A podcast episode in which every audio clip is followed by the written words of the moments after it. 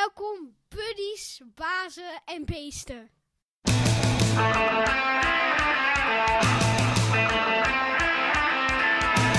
Maar eh, laten, we, laten we gewoon ergens beginnen. of Laten we gewoon ergens beginnen. Ik heb wel jouw notities een beetje aangevuld met die van mij. Ik heb een kleine introductie gemaakt. Eh, het is, ik, ik, ik ben heel benieuwd wat het gaat worden.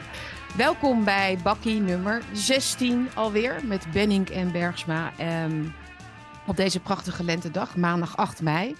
Eh, vandaag gaan we natuurlijk even terugblikken op eh 4 en 5 mei van vorige week. Daar hebben we het nog niet over gehad. Onze laatste uitzending was woensdag. En de parallele werkelijkheid die we daarin weer waarnemen van de elite. Eh, de toespraak van Marcel Meuring viel natuurlijk heel erg op. Wij vonden het in ieder geval heel opvallend. De woorden die hij daarin gebruikte.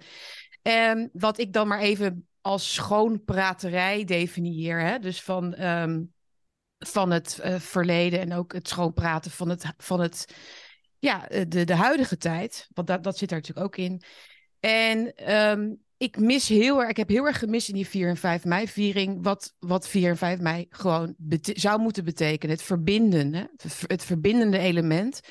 Maar ook het zien en het snappen van de eigen schaduw. En dat is al jaren is dat blijkbaar heel erg moeilijk. Hè? Dus voor de elite, dus de, de, de, gevestigde orde, de mensen die daar op al die podia staan.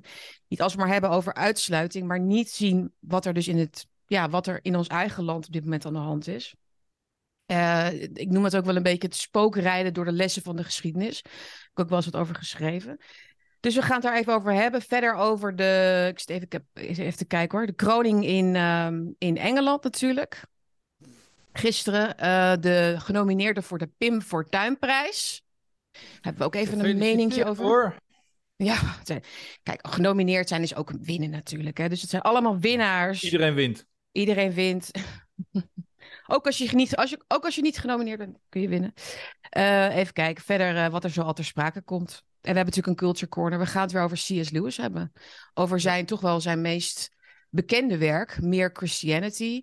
Eh, misschien zelfs wel de, de, de, ja, de kern van zijn, ehm, van zijn ehm, werk. Eh, dat was, Meer Christianity was ooit eigenlijk een serie eh radiooptredens. Hè? Dus, dus het, was niet, het is niet gemaakt als een boek. Het was een, een serie radiooptredens bij de BBC. En die zijn later dus gebundeld als een boek. Ja, we willen, we willen nog wat, eh wat shout-outs eh, doen naar Mm. mensen die heel goed werk doen. Naar Gonzalo, ehm, die eh, Gonzalo Lira. opgepakt is door de, door de SBU. Ja, Ehm, de nog wat Oekraïnse, geheime, geheime dienst. Ja. Precies, nog wat, nog wat Ja, er waren ook beelden, maar hij werd ook. De, ik, eerst zag je alleen een foto, maar er zijn dus ook gewoon. er is ook videobeeld van dat hij dus wordt. Ja, wordt, dat er bij hem wordt aangebeeld en dat er dus een machinegeweer op zijn gezicht staat gericht. Een Westers machinegeweer, overigens. Oké, dat zie jij dan weer. Ja. Heftige beelden hoor.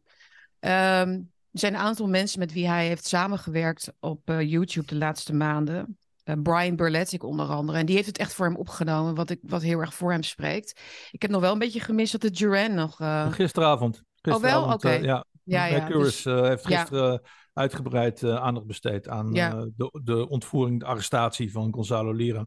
En Ja. zeiden, zeiden in ieder geval wel van, in deze tijd is alles goed nieuws, maar op deze manier, maar eh, dat het in ieder geval goed nieuws was dat ze erkenden dat hij in arrestatie was.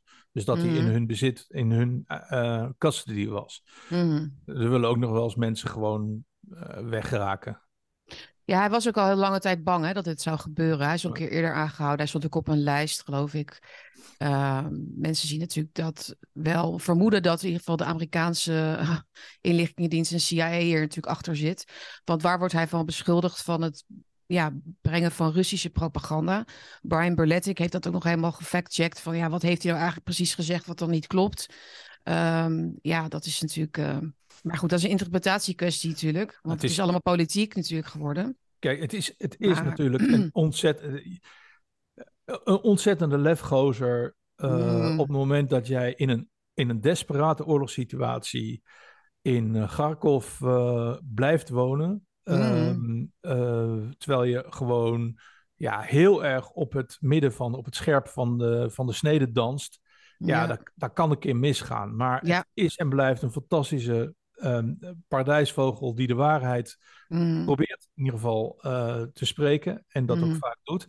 En dus eh, zeggen wij gewoon, eh, ja, free Gonzalo Lira en zo snel Mhm. mogelijk. En laten we hopen dat Chili zijn best doet om, Ja, om zo snel mogelijk ja maar de Verenigde hij, hij, hij is Chili, hij is ook Amerikaans staatsburger. Dus hij, hij is gewoon Amerikaans staatsburger. Hij zou dus, Amerika zou zich dus hier moeten, eh, voor moeten hardmaken natuurlijk. Hè? Mensenrechten, weten we nog? Dat zei Brian Beletic trouwens ook. Hè? Van je kunt Gonzalo Lira misschien een, eh, een beetje een geflipte wat, datingcoach wordt hij vaak genoemd. Hè? Coach Red Pill. Dat, daar kennen veel mensen dus va- van. Dat, van een paar jaar geleden gaf hij datingadviezen en zo. Uh, maar hij is ook schrijver, hij is ook filmmaker en zo. En later is hij pas eigenlijk over die oorlog ga, ga, gaan praten. Maar dan wordt er dus in mainstream media wordt hij dus neergezet als die gekke datingcoach. En ja, waarom zou je daar natuurlijk... Ja, waarom zou je daarvoor opkomen? Hè? Voor zijn vrije woord. Ja, ach, dan moet je inderdaad maar niet zulke dingen zeggen. Dan moet je inderdaad maar niet zo raar doen. Maar Berletic zei van ja, nu is, het, nu hij het, maar straks is het weer iemand anders. Ja. Het gaat niet om wie. Het gaat erom wat heeft iemand misdaan. He, iemand heeft gewoon gesproken over een conflict wat iedereen bezighoudt en heeft een andere mening, heeft een ander inzicht, heeft een andere kijk erop en wordt dus gewoon ja, op, met, met, met veel uh, uh, geweld, uh, of althans, ehm, wordt, wordt thuis ja, uit zijn bed Veel gehaald. machtsvertoon heet dat. Machtsvertoon, ja. Maar, maar wat, wat ook heel naar was, dat ze dus foto's van zijn kinderen lieten zien. En um, Mhm. ja, gewoon iemand uh, overvallen. Ja, terwijl die 's ochtends vroeg uh, nog helemaal... Ja, met zijn haar stond helemaal in, overeind. In slaap, haar, haar overeind. Alleen maar ja. om lekker grapjes mee te kunnen maken en dat Wezenlijk. soort dingen. Ja. ja, het tekent gewoon de valsheid uh, van, dit, ja, van dit systeem waar deze man nu bij vastzit. Dus laten we bidden en laten we twitteren en laten we schrijven en lawaai maken... Mm -hmm. om, voor de vrijlating van Gonzalo Lira. Want onze mainstream media is uiteraard gewoon muisstil. Um, die doen ja, hier niemand kent aan. hem hier, niemand kent hem hier, denk ik. Oh, nee. Ik denk dat ze daar nog nooit van hebben gehoord bij de... Een van de moedigste mensen ja. op het gekke af, uh, Gonzalo. Op het gekke uh, af, ja. ja. Maar goed, dus laat, laten we...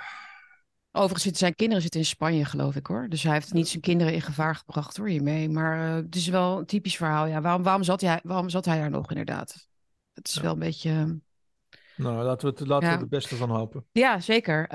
Um, right. Dus dat, uh, dat gaan we misschien nog wel een keertje verder bespreken. 4 en 5 mei.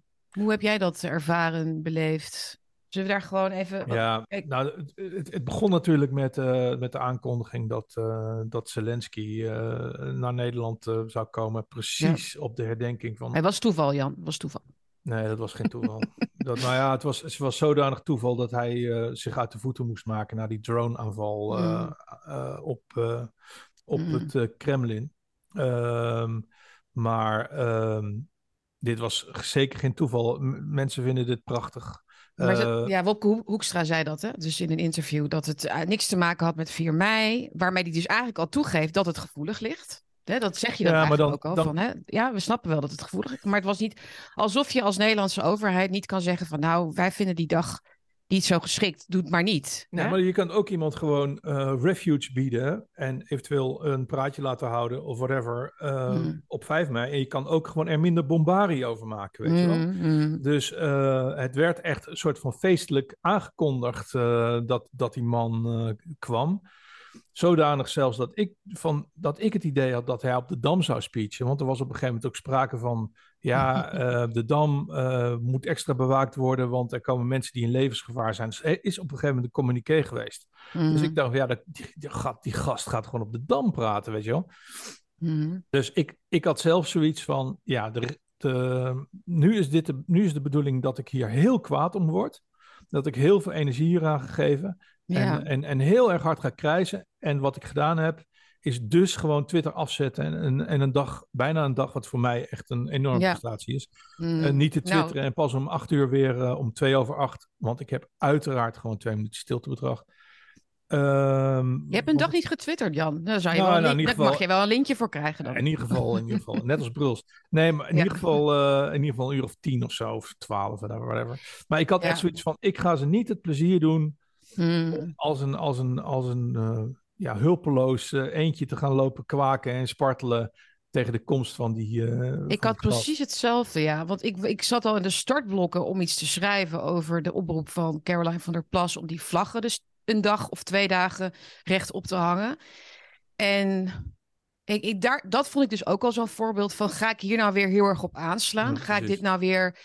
Hè, eh, had ik iets anders verwacht? Snap je? Ehm, Is dit een, een breuk met wat we gewoon al, al, al, al- al langer zien? Hè? Dus Ja. dat, dat gedeug, dat, dat nabestaanden, de gevoelens van nabestaanden zijn even belangrijker. Dus eventjes twee dagen belangrijker dan het recht. Want daar sloeg ik dus op aan. Dus dan heb ik het Ja. nu. Ik heb het er nu dus toch weer even over. Maar dus eh Caroline had het over het recht van de boeren. Wat ze natuurlijk hebben. Dat stond er in haar tweet. Het protestrecht, want vrijheid. Mag even twee dagen. eh, hè, mag je wel. eh, Je mag twee dagen even rekening houden met, met anderen. Ja. Denk van, dus de gevoelens van de boeren worden nu gereduceerd tot een recht. Zie je hem? Een recht. Je hebt gewoon het recht. Jouw gevoelens zijn even niet meer belangrijk. De an- andermans gevoelens zijn nu belangrijk. Maar zo werkt het niet met gevoelens, snap je? Mhm. Dus je, je kunt niet ehm, het, het- de gevoelens van twintig nabestaanden. Want er zijn, altijd, er zijn altijd mensen met sterkere gevoelens dan die van jou, die erger leed hebben meegemaakt dan jij. Weet je, je kunt Ja. dat nooit. Maar ze verabsoluteren dat. Dat is Ja. abso- dat absolute ergste wat een mens kan overkomen. Het verlies van een kind in een oorlog. Hè? Dat, dat, dat wordt dan naar voren geschoven in een, in, een, in, een, in, een, in een groot probleem wat de boeren hebben. Waarmee Ja. zij dus hun gevoelens, hun gevoelens moeten worden ja, gerelativeerd. En waar eindigt dat dan? Klein, kleiner worden gemaakt. Dus het is inderdaad hoogst opmerkelijk dat zij die rol op zich neemt. Mm. Want de, de- het, het, wat je merkt aan reacties van de overheid is dat het omkeren van de vlag iets was dat zij niet konden hebben. En het, Mhm. is, het is heel Ja. raar dat zij dus die rol eh, eh, op zich neemt om die vlaggen weer recht, rechtop te krijgen. Aan de Mhm. andere kant, ja, Lientje blijft mij dan verbazen. Dat, want ik stond al helemaal op het punt van, oh, Lientje die gaat zitten klappen over Zelensky en zo. En ik, ik was gewoon, Ja. ik zat er gewoon helemaal naast. Oftewel, zij Mhm. was eigenlijk de eerste en de meest prominente. Die gewoon zei van, ja, wacht even. Dit is onze dodenherdenking. Dit gaat over onze jongens. Mm. En eh, laat die gast een andere keer eh, langskomen. Want dit klopt gewoon niet. Dus, wederom, ja, mensen zijn gewoon Ja, niet één of ja. tweedimensionaal. nee, en zeker niet. Nee. Nee, ik vond dat echt heel sterk. Ik, ik wil er ook niks aan afdoen. ja. Want ik kan, ik kan er ook niks in vinden wat ik eraan af kan doen. Eh, Nou gewoon- behalve dat ze dat over, wij herdenken onze eigen slachtoffers, wat, wat PR-technisch wel er een beetje zwak was, vond ik. Want daar werden ook weer cartoons over geschreven door heet die, weer, die Ik vind- Pas Schot.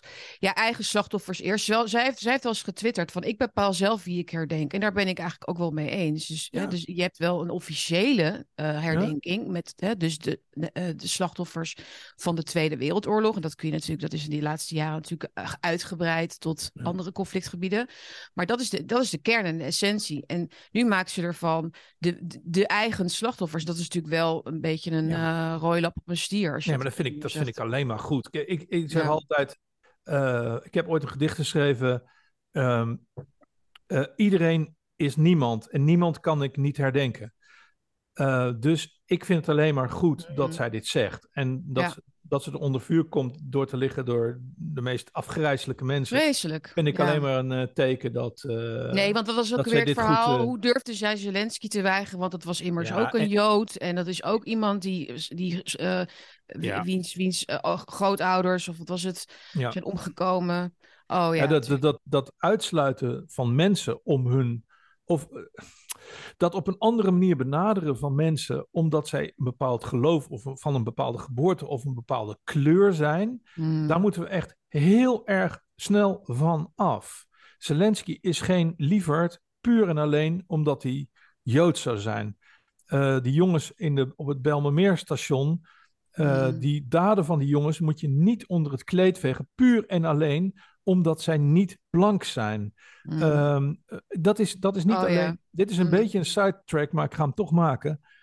Ehm, we moeten ophouden met, eh, met, met dat soort racisme. ja, Omdat- identiteitspolitiek. Ja, Alles is identiteit. Alles is En- religie en kleur. Ja, Maar niet alleen omdat het, omdat het fatsoenlijk is, maar omdat het levensgevaarlijk is. Mhm. Want die jongens in, op het Bijlmermeerstation, Kijk, de politie zegt dan deel die beelden niet, maar eh, dat is al waanzinnig genoeg. Maar eh, die beelden zijn toch naar buiten gekomen.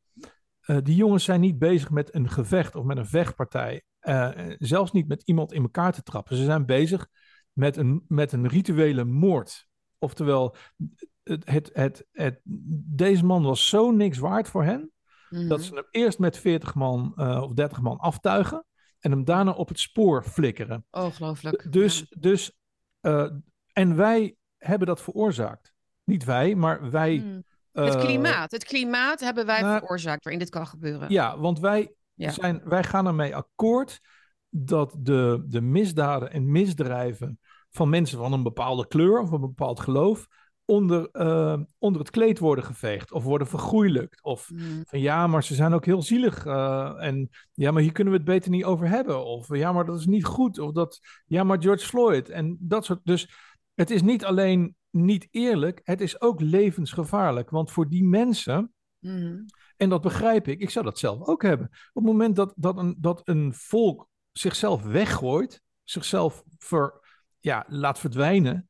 Ja, waarom zou je ze dan niet een half handje helpen? Als ze echt totaal zwak zijn en niet voor zichzelf opkomen in de Ja, je, media. je, bedoelt, je bedoelt een beetje de, de anti, het anti-blank sentiment waarin wij eigenlijk Ja, zelf, we- ook, eh, zelf ook aan meehelpen. Door dus Nou, het idee ja. van dat wij eh, white supremacy hebben en privileges hebben.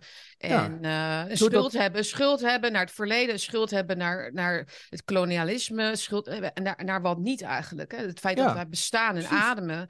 Eh, dat, is de, dat is de reden waarom er nog volken zijn en minderheden zijn die, die eh, achtergesteld zijn. Dat, dat, dat, dat vind ik niet, maar dat is, dat is letterlijk hoe Dat is de alle. narrative. Dat is, de, dat is gewoon de narrative. Dat is de narrative. Maar ik, dat, dat zijn de zeven vinkjes waar we het ooit over, waar Ja. we het laatst over hebben gehad. Maar dat, is, dat zit overal in. Dat, is, dat zijn de excuses van Rutte. Ja. De excuses voor dit, de excuses voor dat. En daarmee creëer je inderdaad een, een, een autochtone bevolking die zich heel klein maakt en zich heel erg ja, ehm, ehm, kwetsbaar op gaat stellen. Ja, en de- deze mensen, dus deze, de, de- deze, dit zijn, dit zijn macho mensen, weet je. Mm. Niet allemaal, zijn natuurlijk ook kunstenaars tussen en dichters en ga ze maar door. Niet Ja. echt hele goede vaak, hoewel ik eh, van een Syrische dichter onlangs een prachtig gedicht heb gelezen hier in Mhm. de bakkie. Mm. Eh, maar het zijn vooral die jongens in de bijl, maar ja, dat zijn gewoon macho's. Dus als die op een gegeven moment denken van, "Gat, ja, dat volk stelt niks meer voor. Ja, waarom zou je ze dan niet op de rails flikkeren? Je? Waarom Ja. niet? Ja, er gebeurt toch niks. De politie komt toch niet, weet je wel? Dus, Mm. dus het, is, het is levensgevaarlijk. En dat geldt ook Ja. voor, voor de, de afkomst van bijvoorbeeld eh, George Soros of, eh, of Zelensky of dat soort dingen. Ik bedoel, er vechten op dit moment Israëli eh, in Oekraïne onder een natiecommandant. Ja, leg het mij maar uit. Ik heb geen idee. Maar daarom vind ik het nog geen leuke, fijne mensen die dat doen. Het, Ik het- bedoel- Dat is zo weggemaakt uit het verhaal. Het is, het is, het is zo, nou, de, de upside down, maar dan, maar dan in, het, in het kwadraat. Dat, dat we dus inderdaad anti-natie, anti-extreem rechts, anti-dit. anti- Maar als je gewoon foto's laat zien en bewijzen en ook gewoon nog artikelen van twee, drie jaar geleden, waarin dat nog Ja. gewoon werd erkend dat, dat, dat Oekraïne een, een neonatieprobleem heeft, dan ineens bestaat dat nu niet meer. Dat is dan onderdeel van een groter verhaal waarin het eigenlijk toch nog wel de goede kant is of Ja. zo. En het, Er bestaan ook goede naties. weet ja, je wel? ja, het goede eh, naties. Ja, dat is eigenlijk wat, eh, dat begon in, dat, in die uitzending van Rudy Bauma over Azov. Ja, Gewoon ja. van ja, ja het, is, het is niet eh, de SS-divisie, dat is Reich, joh. Dat, dat lijkt alleen maar er heel erg op. Ja, het is gewoon één, sla, één kwartslag gedraaid en dan heb je hem. Mm. Dus ik bedoel, ehm, nee, maar ik zag ook, om even door te schakelen, ik zag ook de komst van Zelensky als de aftrap voor een campagne. En eh, die campagne die zag ik terug in eh, artikelen eh, van Ollongren. Mhm. de koppen van Oh ja. artikelen over Ollongren. Maar ik zag het ook in het bevrijdingsfestival in Zwolle. Waar de burgemeester een beetje uit school klapte. Want die had het he- de hele tijd over vechten voor vrijheid. Mm. Ehm, vechten voor vrijheid kwam de hele tijd terug. En ik ben een reclameman. En ik ken mantra's. En ik weet waar het heen gaat. En ik ken ook het, hoe, je, hoe je als het ware je klant voorbereidt op wat je hem Mm. gaat presenteren. Mhm. Dat is door een onderknuppel dit soort zinnetjes te laten invrijven. Vechten voor vrijheid. En wat ik al een half jaar geleden op Twitter zei, is van ja, Oekraïne heeft voor ons gevochten. Nu is het tijd dat wij voor Oekraïne gaan vechten. Dat wordt het onderliggende mantra, het onderliggende, de logline, zou ik maar zeggen. De, Mhm. de, de gedachte achter die campagne. En de themazin wordt vechten voor vrijheid. Mhm. Eh, of, of vechten voor onze vrijheid, of vechten voor de vrijheid. Ja, onze, nee, maar onze zit er al langer in, inderdaad. Dat- Hè? Dus het staan, het- eerst was het het staan voor onze vrijheid. Ja. Door het steunen van Oekraïne en tegen Rusland. Dan daarmee vechten we ook, of nou ja, nee, niet vechten dus, maar staan we voor onze vrijheid. En nu is daar dus inderdaad vechten Ja. aan toegevoegd. En Dus ik, het- en, ik, dat is en, ik, meer dan staan. en ik kreeg een, eh, een DM van een prominente Twitter, wiens naam ik niet noem, omdat ik niet met hem afgesproken heb of ik dat wel of niet zou doen. Mhm. Dat deze zin eh, circuleert op middelbare scholen, in surveys en dingen. Dus, dus, dus mensen, let op, als je het zinnetje hoort, vechten voor vrijheid. Wat een briljant zinnetje is overigens, want heel simpel. En ja, er is, je kunt er bijna niet. Het is hetzelfde als ehm, Black Lives Matter. Zo net zo'n zinnetje. Ja, je kunt het niet meer kan niet- je kan je niet kan tegen niet zijn. Eh, Nee. wil je niet vechten voor je vrijheid, dan ben je een lafaard, weet je wel. Mhm. Ben je liever onvrij en een lafaard? Of wil je vechten voor vrijheid?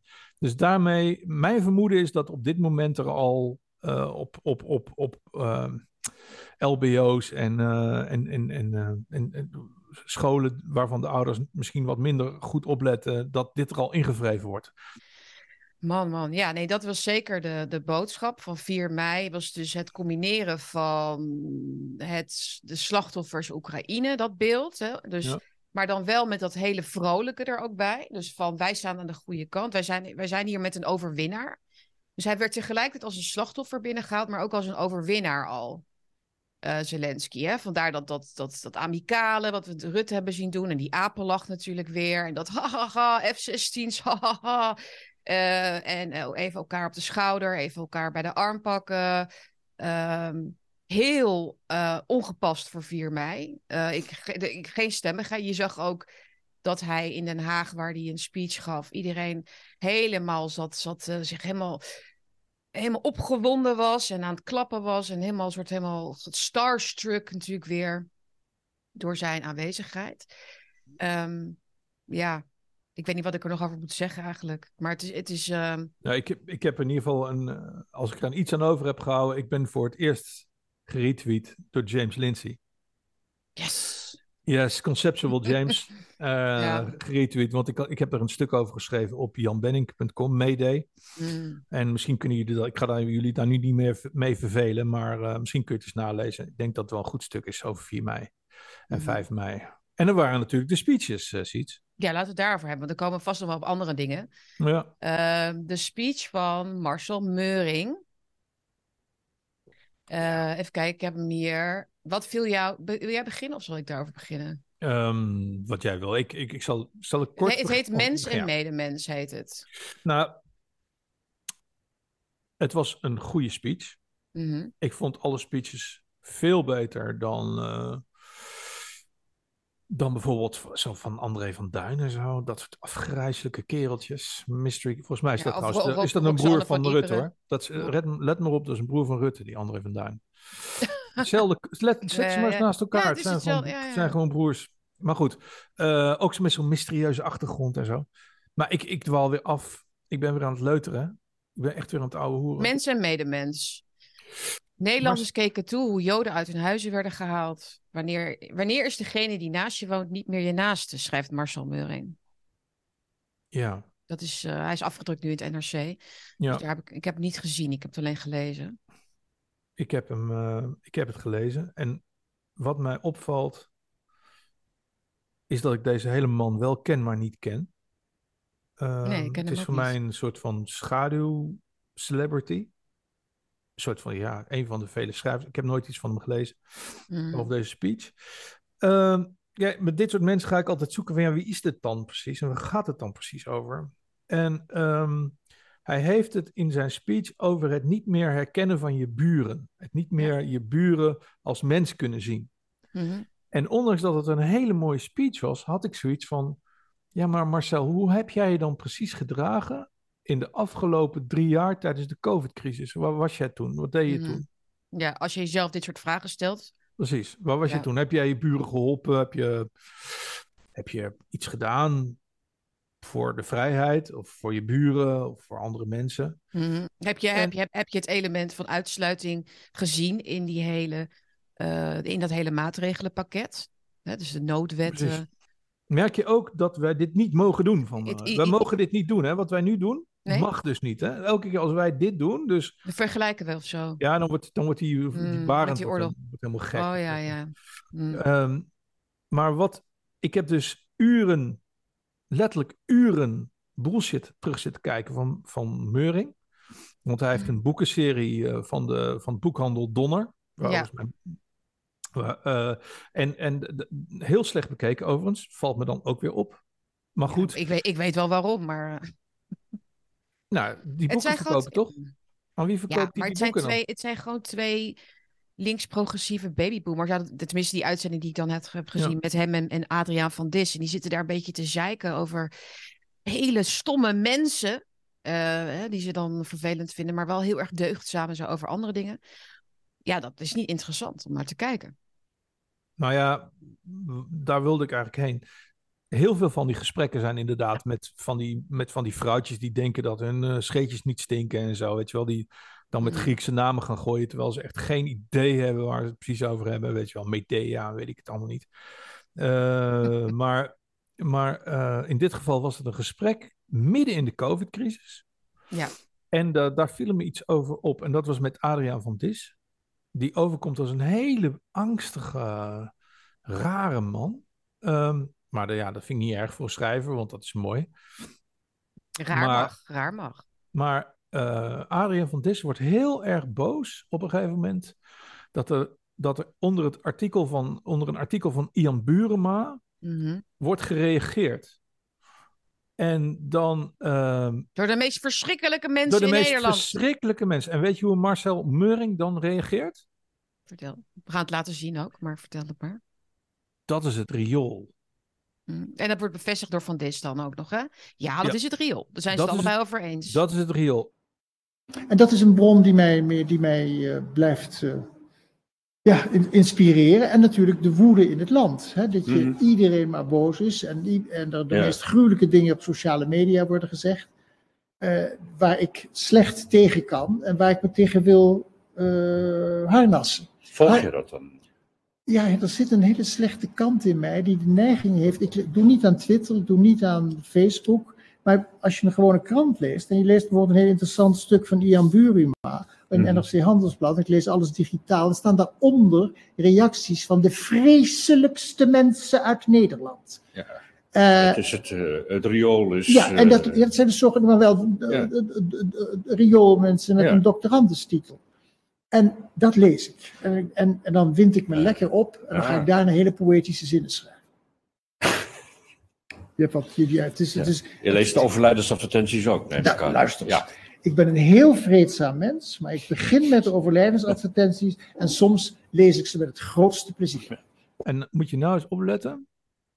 Ja. Ik heb niet gereageerd op NRC. Want ik mag niet reageren. Ik ben namelijk geen NRC-lid. Dus er waren NRC-mensen. Die zichzelf ook doctorandus noemen. Zegt Van de Is dan ook nog. Verschrikkelijke mensen. Die durfden te reageren op een stuk van Ian Burema. Mm. Zijn dat niet je buren dan? ja. Dat zijn toch je buren? Dat zijn toch Eh. de buren dan van. Dat is dan het riool, weet je wel, volgens Meuring. Ja. Maar dat zijn toch de buren van Meuring? ja, en als je dan eventjes nog verder diep, wat dieper duikt, dan vraag ik me af van ja, wat, wat is dat dan voor stuk van Ian Buren? Maar waar schrijft hij dan zoal over de laatste jaren? En dat gaat dus inderdaad over de rechtspopulistische stem die zich zou afzetten tegen te veel eh, ehm, ja, gedeug en bemoeienis met de levens van gewone mensen. Over, of het nou over klimaat gaat, of immigratie, of EU, of corona, of eh, whatever. En dan probeert Ian Burema daar natuurlijk een soort semi-pseudo-analyse van te maken. Van het, het is, zou het daarmee te maken kunnen hebben dat die mensen geen zin hebben in al dat gedeug? Dat noemt hij dan zo. Dan, dan antwoordt hij natuurlijk van ja, waarschijnlijk wel, maar het ligt natuurlijk niet aan hun, want, want ze doen alleen maar het beste voor al die mensen. Snappen ze dat dan niet? Snappen die domme rechtse mensen nou niet dat wij dit ook allemaal voor hun doen? Hè? Dat is de teneur. Dat is de teneur van het stuk van Ian Burema, die opgesloten zit in zijn eigen elite i- ivoren torentje. Net als Adriaan van Dis, net als Marcel Meuring. Dus daar kunnen ze elkaar een beetje in vinden. En hij wordt natuurlijk heel boos als er dan inderdaad NRC-lezers zijn die, die, die, die, die daarop aanslaan en zeggen van luister, dit is gewoon niet hoe het zit. Er is veel meer aan de hand. Dat, dat helemaal aannemen van ja, maar die, het klimaat is een probleem. We moeten dit doen, we moeten dat doen. En die mensen moeten er maar gewoon in meegaan. Dat, voor heel veel mensen is dat inmiddels wel duidelijk dat dat een leugen is. Maar wat En- jij nu, Sietske, ik ga je onderbreken, weet je waarom?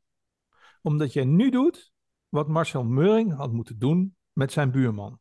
Hmm, Oftewel, hij had moeten zeggen, hé hey buurman, we zijn het niet eens. We moeten hierover praten. ja, Want, want, want dit klopt niet. Weet je, die rechtse, eh, of je bent rechts, dat klopt niet. We moeten hier iets aan doen. Maar wat zegt Mar- Marcel Meuring? Dat is het riool. ja. En dat is precies wat de nazi's zeiden over de Joodse buren. De, de NSB'ers dachten over de Joodse buren, weet je wel? Maar, En dat maar is waar ik heen wil. En het wordt helemaal een beetje engig als je be- bedenkt dat hij in die lezing dus vorige week het had over hoe konden wij die mensen zien als ratten, wat zegt hij nou ook alweer?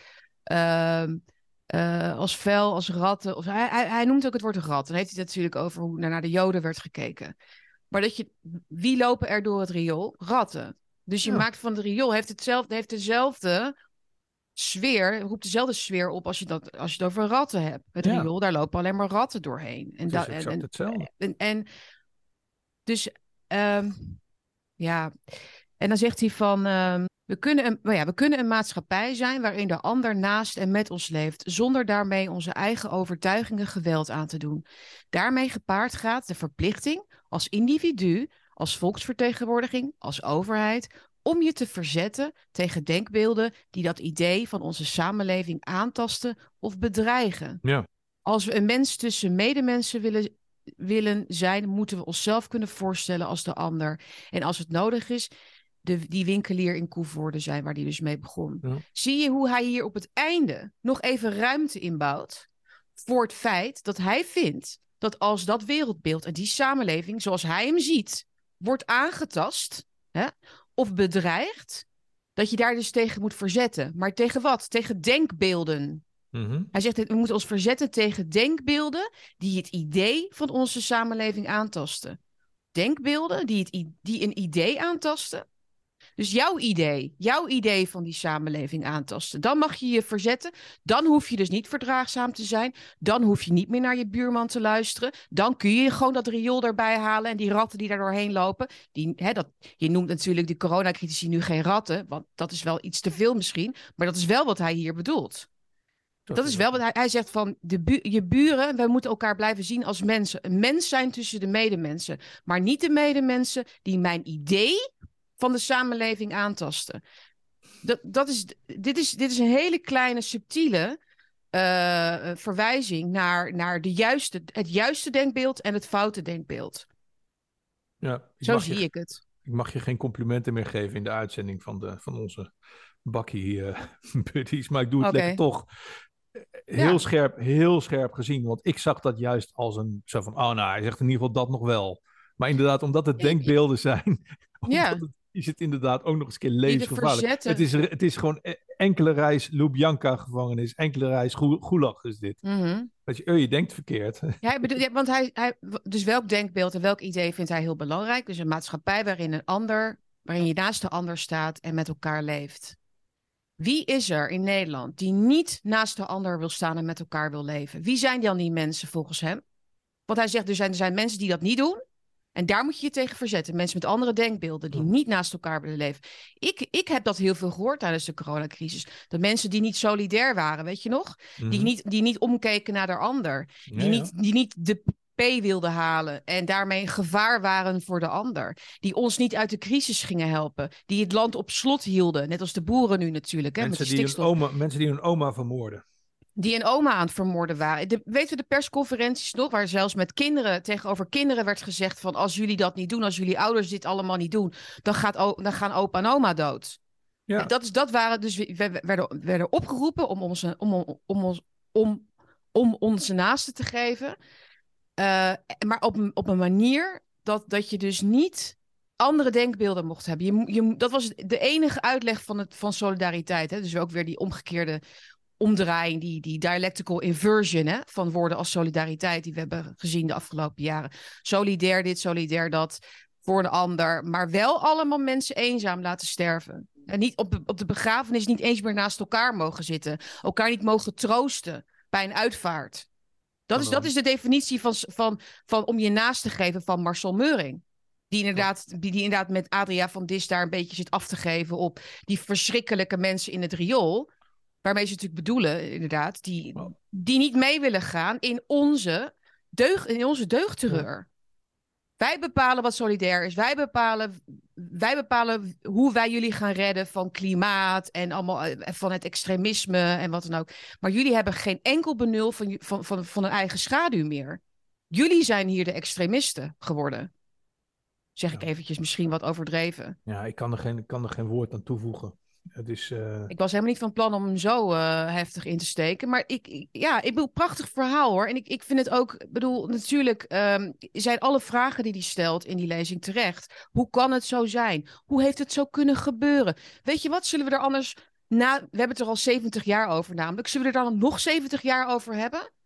Um, in plaats van uh, te doen wat bijvoorbeeld C.J. Hopkins heel goed deed. En nog één dingetje. Ja, C.J. Hopkins, dat is een uh, Amerikaanse schrijver die ik persoonlijk ook ken. Uh, hij, hij, woont in Berlijn. Ik heb hem daar een paar keer ook ontmoet. En hij zegt heel mooi eigenlijk: We do not recognize the formation of new totalitarian systems because we are forever looking backwards instead of forwards, preparing for the storm that has passed, expecting history to repeat rather than rhyme. Ja. En dat is, uh, dat is wat, wat, er gebeurt de hele tijd. Het is, het is het moeten zien van het slachtoffer uit die tijd als het enige slachtoffer wat, er, wat, onze, wat, wat, wat onze waarschuwing verdient, als het ware. Ja. Ik denk gewoon dat het kon gebeuren omdat er mensen zoals Mar Marcel Meuring zijn. Dat klinkt keihard. Maar ja. als, jij, als je aan de ene kant zo'n speech kan opdreunen, je kan afvragen. Ja uh, waarom iets gebeurt. En aan de andere kant gewoon mensen kan tot riooldwellers kan uh, verklaren. Heel mhm. gedachteloos, heel erg neutraal. Zo van, dat is het riool. Dat is het riool. Weet je wel? Ja, en, niet, en, en dus niet mensen die reageren op uh, hele heftige, polemische, reactionaire stukken van een, weet ik veel wat. Uh, een, een, Steve Bannon, ik zeg maar wat of zo. Of een Trump of, of een nee. Le, Le Pen of zo. Of een AFD. Nee. Maar, maar, maar Ian op Ian Burema ja. mag, je als, mag je niet eens meer gewoon pissig worden op iemand als Ian Burema, die lekker hoog en droog in New York zit en uh, weet je, al, al, zijn hele leven al, alleen maar uh, het, het, het, makkelijk heeft gehad en, en een prachtige carrière heeft en geen enkele, op geen enkele uh, probleem, ja, zeg je dat, echte werkelijke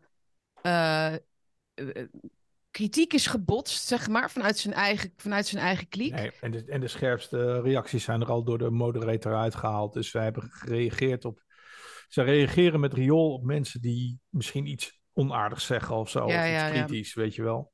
Maar, maar, dat Ian, maar vooral ook nog één ding. Maar Ian, dat uh, Adriaan van Dis het dan ook heeft over. Dokter Randussen. Dus hij zegt eigenlijk, hoe durven mensen hoog opgeleid ook dit soort taal uit te slaan. die wij het riool, wat wij het riool noemen. Want wij zijn toch intelligente mensen met elkaar. En alleen domme mensen, lager opgeleide mensen, slaan dit soort taal uit. En daar kijken wij op neer. En dat zegt hij dus echt een minuut nadat hij het heeft gehad over hoe, hoe belangrijk hij het vindt om niemand uit te sluiten. En dat, dat hij daar niet tegen kan, uitsluiting. Dat hij is opgegroeid met mensen van kleur. En weet je, dat, dat, dat, dat, eerst dat een soort van hele. Dat, dat, um, um, etaleren, zeg maar. Van hey, ik ben ongevaarlijk hoor, ik ben ongevaarlijk. Maar dan zegt hij, ja, ik ben, ja, dat is een beetje het slechte in mij, zegt hij dan. En dan begint hij dus over de haat die hij voelt voor mensen die gewoon ja. um, echt worden maar, uitgesloten. Maar ik neem het eigenlijk van Disney niet kwalijk, want dat is gewoon een pratende etalagepop. Dat is natuurlijk een poseur, zijn hele leven lang poseur ja. geweest. Volgens mij heeft hij ook boeken over geschreven en dat soort dingen. Uh, dus ja, dat vind ik, vind ik dan nog wel een soort van grappige romanfiguur. Maar zo'n Marcel mm. Meuring met zijn grote bek, die staat gewoon op de dam uh, zo'n verhaal te vertellen. Maar laten we doorschakelen naar... Uh, naar het, heeft, het heeft alles te maken met het 4-5 mei-comité hoor. Ja, zeker. Maar dat laten we doorschakelen naar, naar, naar de andere, dat is namelijk Diewertje Blok. Die, dat vind ik eigenlijk nog erger. Want uh, Diewertje Blok had ook een hele goede speech. Echt ja. perfect. Die overigens wel een beetje leek op die van Meuring, maar maar prima, weet je, ons alle Diewertje en zo. Mm. Maar, maar Diewertje, haar, haar vraag was, was net iets anders dan die van uh, Marcel Meuring. En dat is namelijk van, ehm, zouden we het herkennen en zouden we iets doen op het moment dat ons iets, dat je buren iets vreselijks zou overkomen? Ze had het over dat haar Mhm. moeder naar het strand eh, ging en dat, al, dat, dat, dat niet naar het strand mocht, maar al die andere mensen langs het bord eh, voor Joden verboden liepen. Mhm. En dat, eh, dan vraagt ze zich af over die mensen die op het strand zitten: van goh, zou die mensen wel doorhebben waar ze net aan voorbij zijn gelopen? En zouden ze iets, zouden ze het herkennen en zouden ze er iets aan Mhm. doen? Ja, En dan denk ik, Diewertje Blok, ja. jij hebt ehm, tijdens de COVID-crisis heb je je muil niet opengetrokken. Mhm. En de enige keer, want ik heb alles afgezocht, ik heb niet zoveel kunnen vinden. Het enige, de enige keer dat jij iets zei, Ja.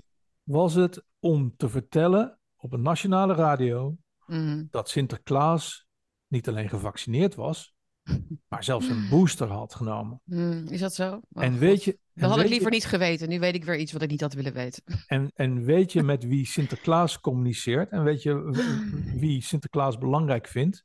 Vinden? Mm. Kindertjes. Kindjes. ja. Kindertje, kindertjes. Mm. Dus, Diewertje Blok, je hebt het niet alleen niet gezien, of misschien heb je het wel gezien, maar je hebt eraan meegedaan en je hebt er geld aan verdiend. Ja. Dus kijk in de spiegel naar je Ja, verlepte maar, maar dit is een gebed zonder einde, Jan. Want weet je wat is? Ze zien dat zelf niet zo. Ze zien het zelf niet zo. Ik, hoe, dit is, kijk, ehm, of, ze, of het is meteen van, eh, als je het vergelijkt hè, met, oké, jij, jij, jij vond het verschrikkelijk dat er eh, eh, ehm, eh, in de Tweede Wereldoorlog Joden het park niet meer in mochten, maar je ziet niet de parallel, zeg maar, met, met, met COVID-passen en dat soort dingen. Maar. Sietske, de bordjes zijn gewoon letterlijk hetzelfde. Ja, voor nee, voor precies. ongevaccineerden verbo- verboden. We hebben ze allemaal Mhm. gezien. Precies Mhm. hetzelfde als voor Joden verboden. Precies hetzelfde. Ja, ja. Dus, eh, Ja. En dat mag je dan niet vergelijken? Shoot me. Ik blijf het gewoon lekker wel doen. Het is gewoon namelijk, zeker, het is niet gelijk te stellen, maar het is wel Nee. te vergelijken. Het is, ik zeg altijd, ieder zijn eigen hel, weet je wel. De hel is groot genoeg voor ons allemaal. Maar de, dit is wel degelijk te vergelijken met elkaar. En ik ga het ook niet stoppen. Het is zo pathologisch, eh schizofreen, dat deze Ja. mensen, juist de mensen die dus heel erg in de verdediging schieten op het moment dat, dat er sprake is van discriminatie van Joden, maar ook van moslims of andere groepen. ehm, en daar moord en brand over schreeuwen en eh, met heel veel gewichtigheid naar het verleden kijken, daar dus ook lezingen over houden, een hele ehm, ja, teksten over uitslaan. Maar die, die zullen, die, eh, die hebben dus eh, omdat ze daar zo in zitten. ehm, nee, ik, moet iets, ik wil iets anders zeggen. Het is, het is eigenlijk heel, schizofreen, omdat, het, omdat ze het zo erg vinden dat dat is gebeurd in het verleden. Dat dat nooit meer mag gebeuren. Maar het is blijkbaar niet zo erg dat het is gebeurd dat dingen die erop lijken. misschien ook onze aandacht nodig hebben. En misschien ook wel een kant op gaan waar het straks misschien nog wel wat erger wordt. En dat er steeds meer mensen worden buitengesloten en steeds langer. En dat we nog meer beha- medische behandelingen moeten ondergaan tegen onze wil. En opgesloten worden in ons huis en wat al niet meer. We hebben, we hebben ook die, die, die pandemiewet die natuurlijk straks wordt vastgelegd en verankerd wordt Ja. in, een, in, in feite een mandaat van het WHO. Die straks gaat Overigens een, eh, bepalen wanneer. Maar ja, Een, een themanummer van de andere krant, hè? De, Ja. de WPG. absoluut. Heel belangrijk. Koop Heel deze week de andere krant, want dat is echt heel belangrijk. Ehm, ik weet Maar niet of we die zijstraat alleen in willen nu. Maar, Maar, eh, maar snap je dus de, de, de tegenstrijdigheid ervan? Dus het is, het is zo erg. Het is zo erg. Ten eerste dus dat we het niet mogen vergelijken. Zo erg. Ja. Het is zo erg dat het nergens mee te vergelijken mag worden. Maar we hebben het er wel over, omdat we moeten waarschuwen daarvoor. ja. Maar waar precies, wanneer mag dat dan, treedt dat dan in werking, zeg maar, die waarschuwing? W- wanneer is het dan een keer van toepassing? Als er echt kampen worden gebouwd, die er precies Zijn op er al. lijken. Die zijn er al. Dus die mensen missen elk, elk voorstellingsvermogen, elke verbeeldingskracht, elke eh, eh, blik op het hier en nu.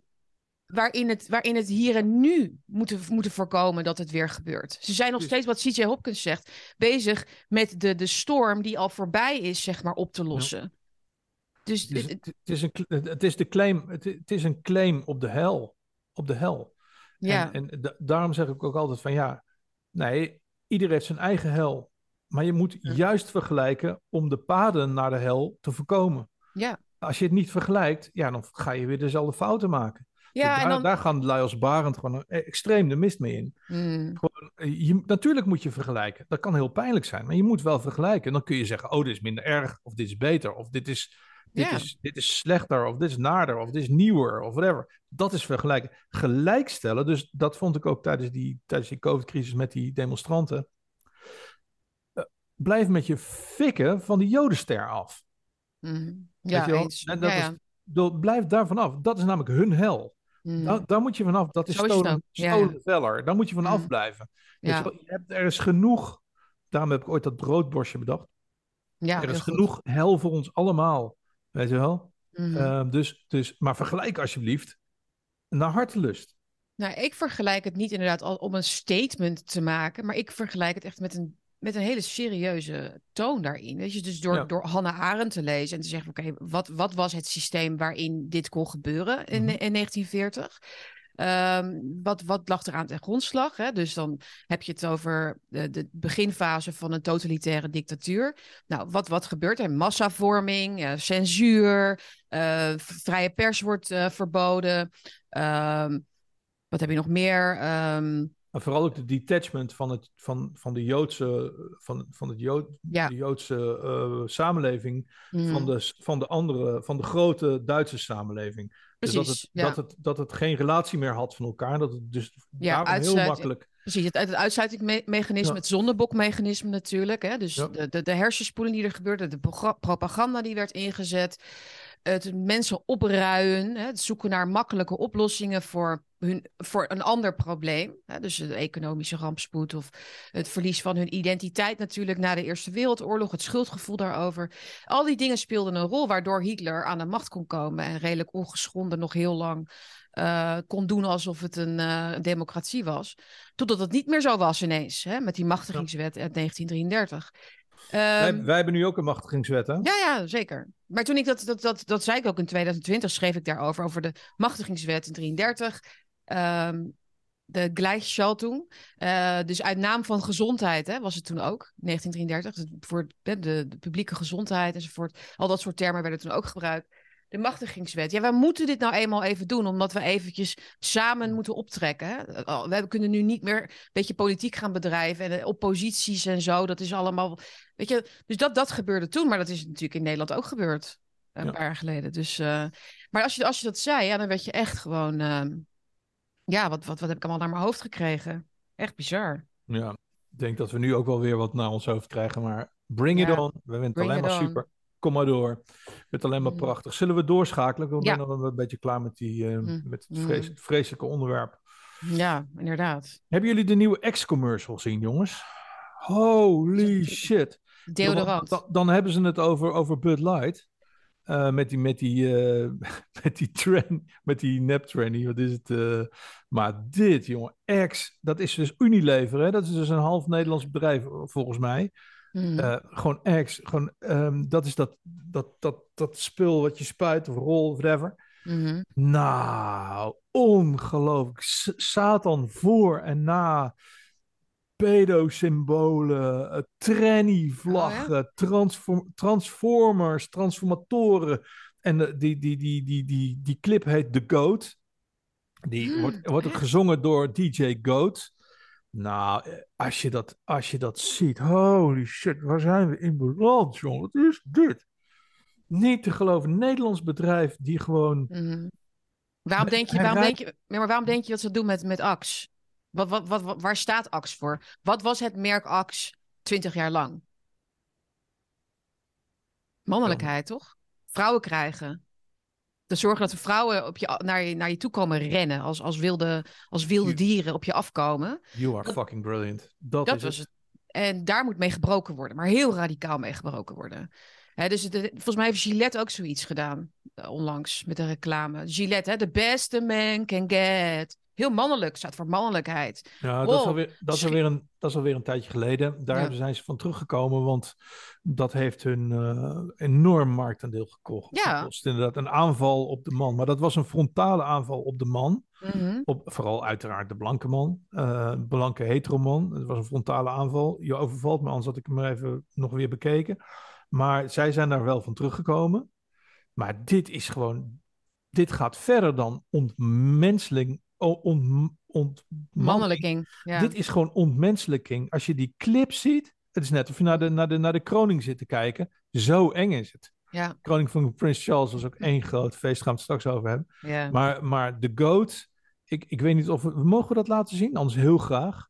Je weet echt Ik niet. het wel, je- als, als op YouTube staat wel. Maar... Een DJ die met een GOAT, die rijdt op een, op een, op, op een draak. Met allemaal symbolen, eh, met slangen. Mhm. En, en het is werkelijk. En, en, en, en tra- tranny-vlaggen en pedo-hartjes. Het is echt een soort van Engelse drop van, van satanisme. Is het allerlei soorten smaken en kleuren komen voorbij vliegen. Wat dat betreft ook weer gewoon heel goed om, eh, heel belangrijk om C.S. eh, Lewis te lezen. Mhm. We gaan het daar zo nog even over hebben. Maar die maalstroom waar die, waar die mensen nu in zitten. Ja, En waar wij in meegesleurd wo- worden. Dat is, eh, is heel opmerkelijk. Ook, ik, ik zag dat België, die heeft ook een hele bijzondere inzending voor het Eurovisie Songfestival.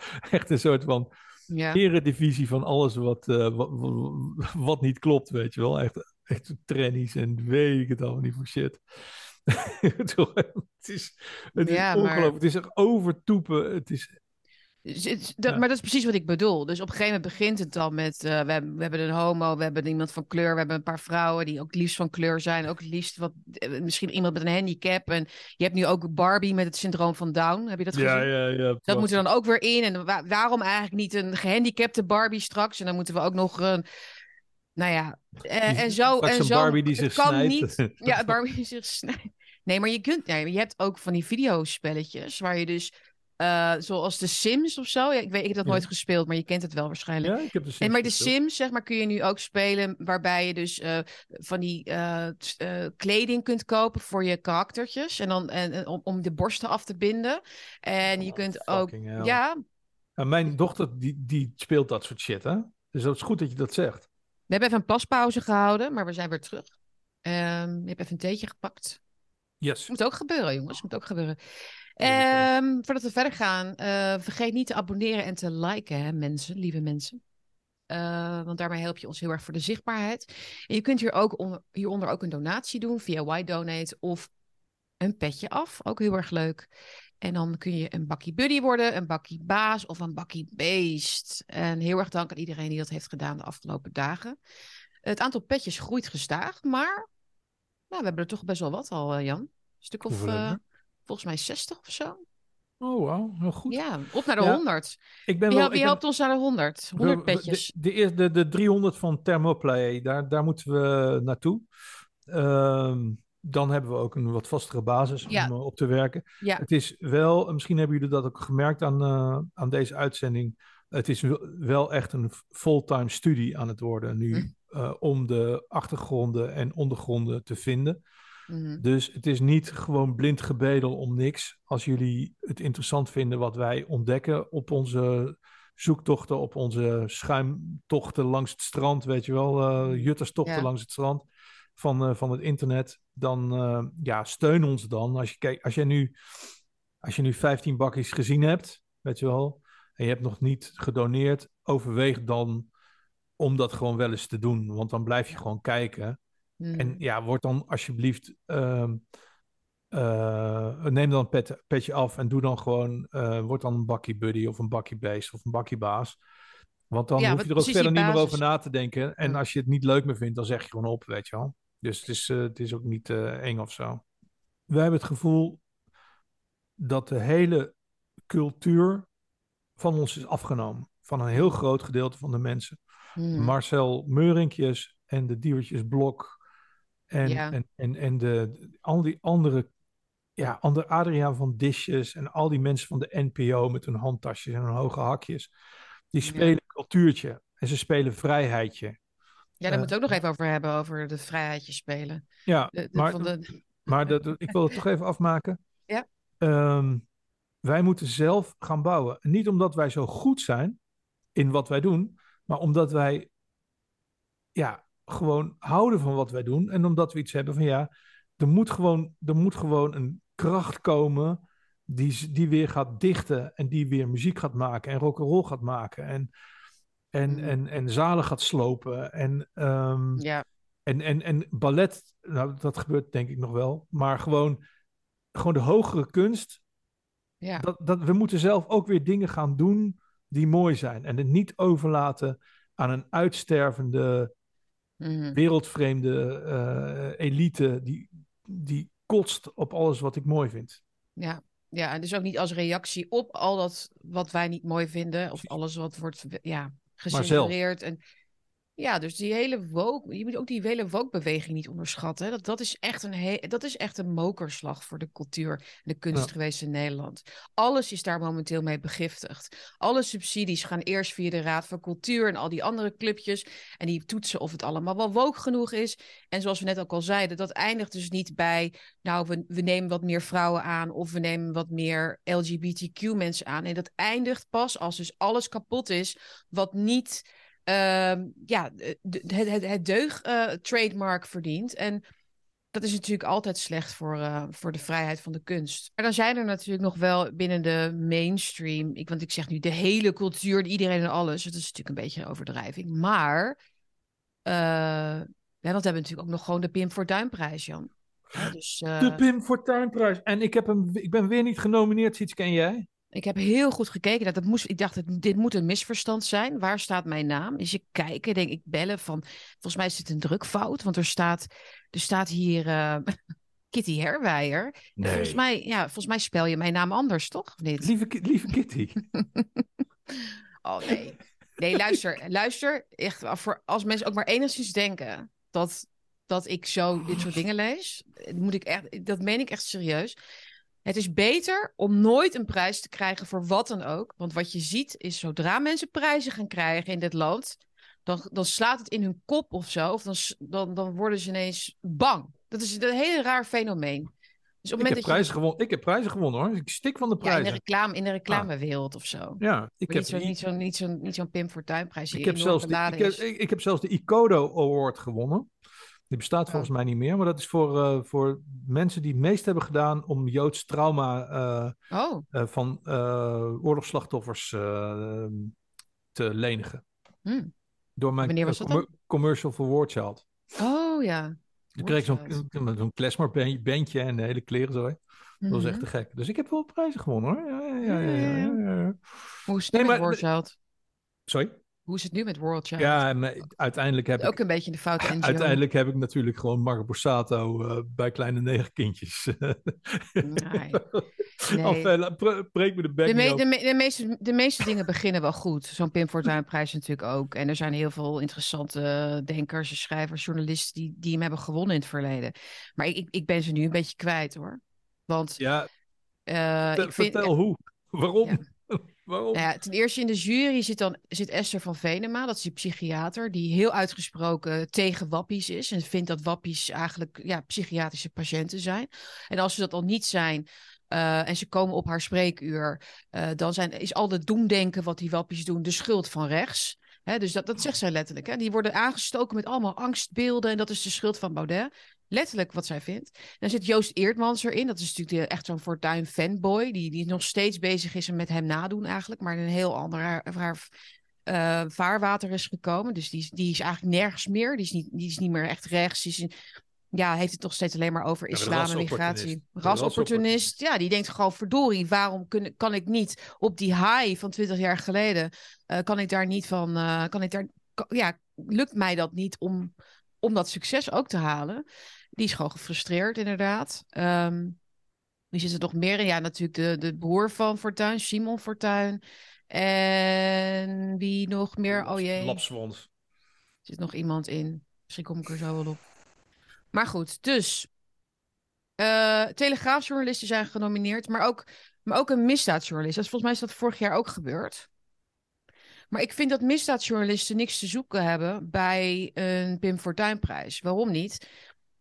Ehm, kijk, misdaadjournalistiek eh, is ook riskant. Hè? Natuurlijk. Want eh, je hebt ehm, nou ja, de misdaad die meekijkt, zullen we maar zeggen. Het is niet de bedoeling dat je natuurlijk dat allemaal echt eerlijk gaat opschrijven. Het is, het is, je benadert zeg maar de issues die er spelen. Hè, de onderwereld met name is natuurlijk niet iets waar je aan wil branden. Dat heb je ook gezien bij ehm, Peter R. de Vries natuurlijk. Maar de, dus het is wel moedig en zo. Maar ik vind niet dat het te maken heeft met vrijheidsstrijd. Het is niet, het is niet de Nederland bevrijden van de, van de misdaad of zoiets. Het is, het is gewoon verslaggeving. Eh, je, je kaart niet de ongemakkelijke waarheden aan in die zin. Je doorbreekt geen taboes als misdaadjournalist. Eh, je schopt niet tegen heilige huisjes of tegen schenen. Ehm, dus dat, dat vind ik al heel raar. Maar goed, misschien, dat, misschien behalve die journalist die... maar misschien dat mensen daar niet, mee eens zijn. Misschien eh, was dat Martin, was niet Martin Brilt. Nee, was, was een, op een gegeven moment een journalist die eh, de, de moord op eh, Pim Fortuyn, die daar een Hmm. film van en een boek van heeft gemaakt, maar ik ben zijn naam even kwijt. Ja. Die had het misschien wel mogen winnen. Ja, want- nee, maar goed, dan zit, je, dan zit je letterlijk op dat onderwerp. Dan heb je het echt Ja. over de, de oorzaken, zeg maar, van de haat tegen Fortuyn. En dat is natuurlijk, dan, dan kom je, dan kom je in, dat, in, dat verhaal, in het verhaal van die vrijheid, inderdaad. Eh, waar, waar Pim Fortuyn voor stond. Maar laat me niet langer in spanning, uh, Sietske. Wie, heeft de- wie gaat deze, wie is er genomineerd niet voor deze fantastische... Nee, maar wie is er genomineerd voor deze, deze eervolle prijs? Eh Roderick Velo van de Oh, Telegraaf. Oh, Roderick Velo, ja. Kitty Herwijer.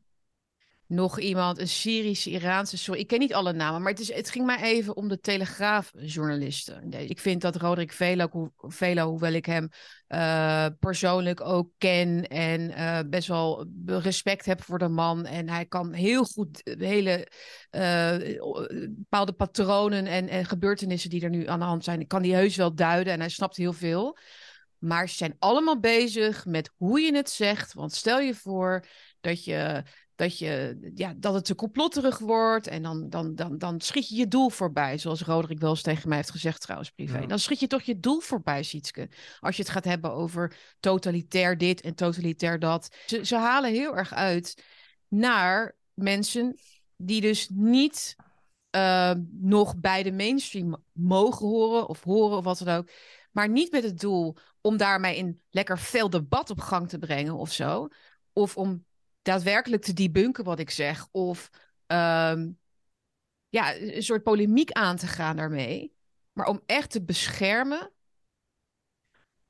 Om, om de definitie van het vrije woord te beschermen, als het ware. Als iets wat.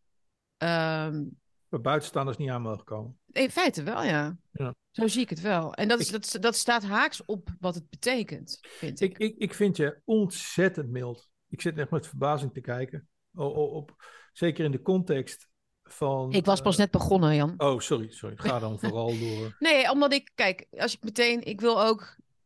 Het is niet dat ik als soort staat te schuimbekken of zo, als ik Roderick Velo uh, zijn columns lees. Het, het, is, het is voor mij ook wel redelijk subtiel wat ze doen. Maar het is wel heel ernstig. Ik zeg wel vaker, op het moment dat jij je gewoon had gedragen ja. als, een, als een lief lale gulletje, dan had je mm. gewoon fijn bij uh, op één gezeten en bij uh, WNL uh, achter de balie, bij die, bij die huppeltrutjes. Ja. Dan had je gewoon lekker centjes verdiend. Dan had je zo'n zo, zo, zo, zo, zo mini, zo mini gehad. En, eh, en, en een, maar goed, dus maar, nee, maar ze zoeken de bescherming op. Kijk, het vrije woord verkondigen in tijden waarin dat echt moeilijk is, zoals, zoals nu, heeft dus inderdaad risico's. En je ja. moet die risico's durven lopen. Maar wat zij zoeken, primair zoeken, is bescherming. Bescherming ja. van een eigen groep. Inderdaad, een vaste column, een vast baantje. Ja. Uitgenodigd worden bij, bij debatcentra. Ja. De ba- de en, en, maar, maar weet je hoe ze dat aan zichzelf verkopen? Is heel erg. Ja, luister, Sietske. Zo'n Roderick bijvoorbeeld, die dan zo, zoiets zegt. Ja, uh, ik, ik, kan beter daar gaan zitten. Dan heb ik tenminste nog uh, invloed en inbreng. En dan kan, kunnen we het hebben over hoe slecht het gaat met het Nederlandse debat. En waarom gebeurt dit eigenlijk? En waarom ja. gebeurt dat eigenlijk? En als ik uh, dus harder ga schreeuwen, ja, dan disqualificeer ik mezelf. En dan, ja, dan hebben we helemaal geen gesprek meer. Dat, dat is zo'n zo ongelooflijke drogreden. Een ongelooflijke drogreden. Dan zegt hij eigenlijk, weet je, doen jullie dat? Jullie mogen dat dan gewoon, gewoon gaan doen.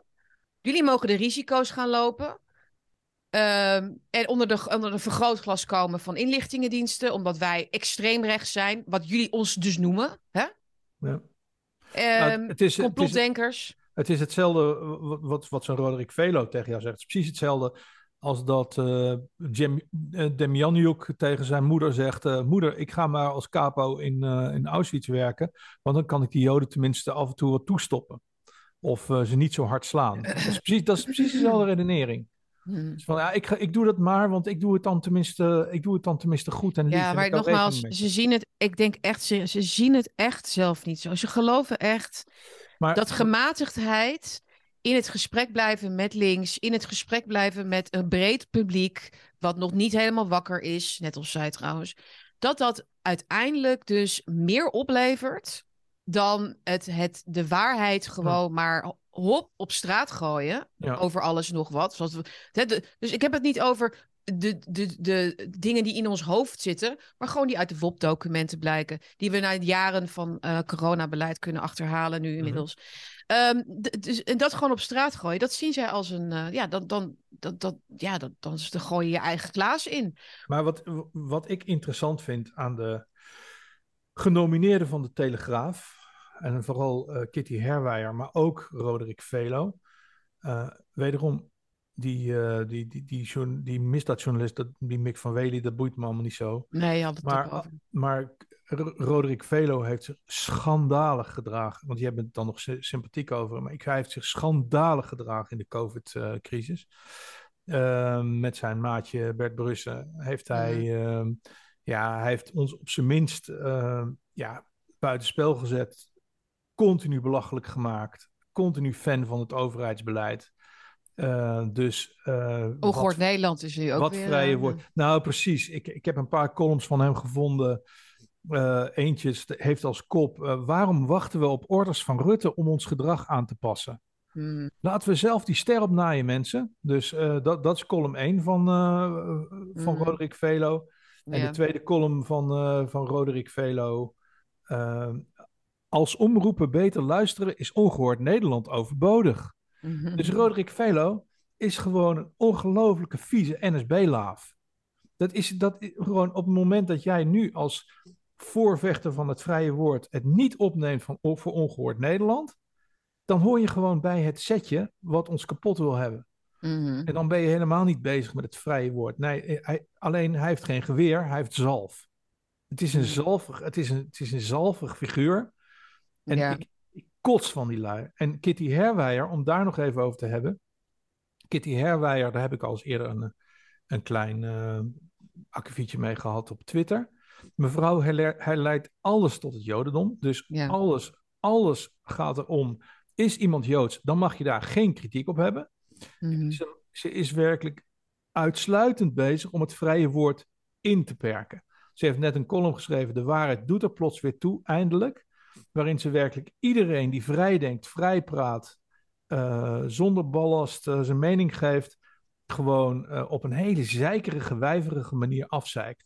Ja. Dus hoezo vrije woord? Dit zijn vreselijke, om met Arjan van Dis te spreken, dit is het riool. Dit zijn vreselijke mensen die niks te maken hebben met Pim Fortuyn of met zijn gedachtegoed. Nee, want ze zitten ook allemaal op die tandem met elkaar. Dus ook Schimmelpenning, die retweet Kitty weer. Kitty retweet Sander Schimmelpenning. Het is één grote cirkeljerk gewoon van... Is- laten bepaalde mensen gewoon zoveel mogelijk beledigen en, en, en eh, buitenspel zetten met onze, met onze frames en, en dom rechts noemen en jullie mogen niet dit, jullie mogen niet dat. Eh, ja, ze zijn, eigenlijk, ze zijn eigenlijk geen haar beter dan, dan, dan de gemiddelde Asja ten Broeke of een andere volkskrant. Nee, die zijn veel minder erg. Die zijn veel minder, minder erg. erg. niet net alsof. Ik maak me er wel een beetje meer zorgen over dat misschien nu laat merken. Maar het is eh, het feit dat die, die groep mensen natuurlijk wel steeds belangrijker wordt voor de gevestigde orde. Dus dan heb ik het over de vrijheidsstrijd binnen de mainstream. Dus dat zijn inderdaad die telegraafjournalisten. Die af en toe hè, dat zijn de. Ook, maar ook de Ronald Plasterks natuurlijk. En de Nausicaa Marbees. Die af en toe zo'n column maken. Iedereen zegt: "Oh, Oh ja, inderdaad zeg. Nou, misschien zijn die boeren wel helemaal niet zo dom. Misschien hebben die ook best wel recht en zo. En dan is iedereen een beetje mee, meegenomen naar. Oh, hè, wat, een wat rechtser standpunt. Nou, kijk eens, we komen er. Zo komen we ergens. Hè. Zijn we al in Nederland 25 jaar mee bezig. Hè?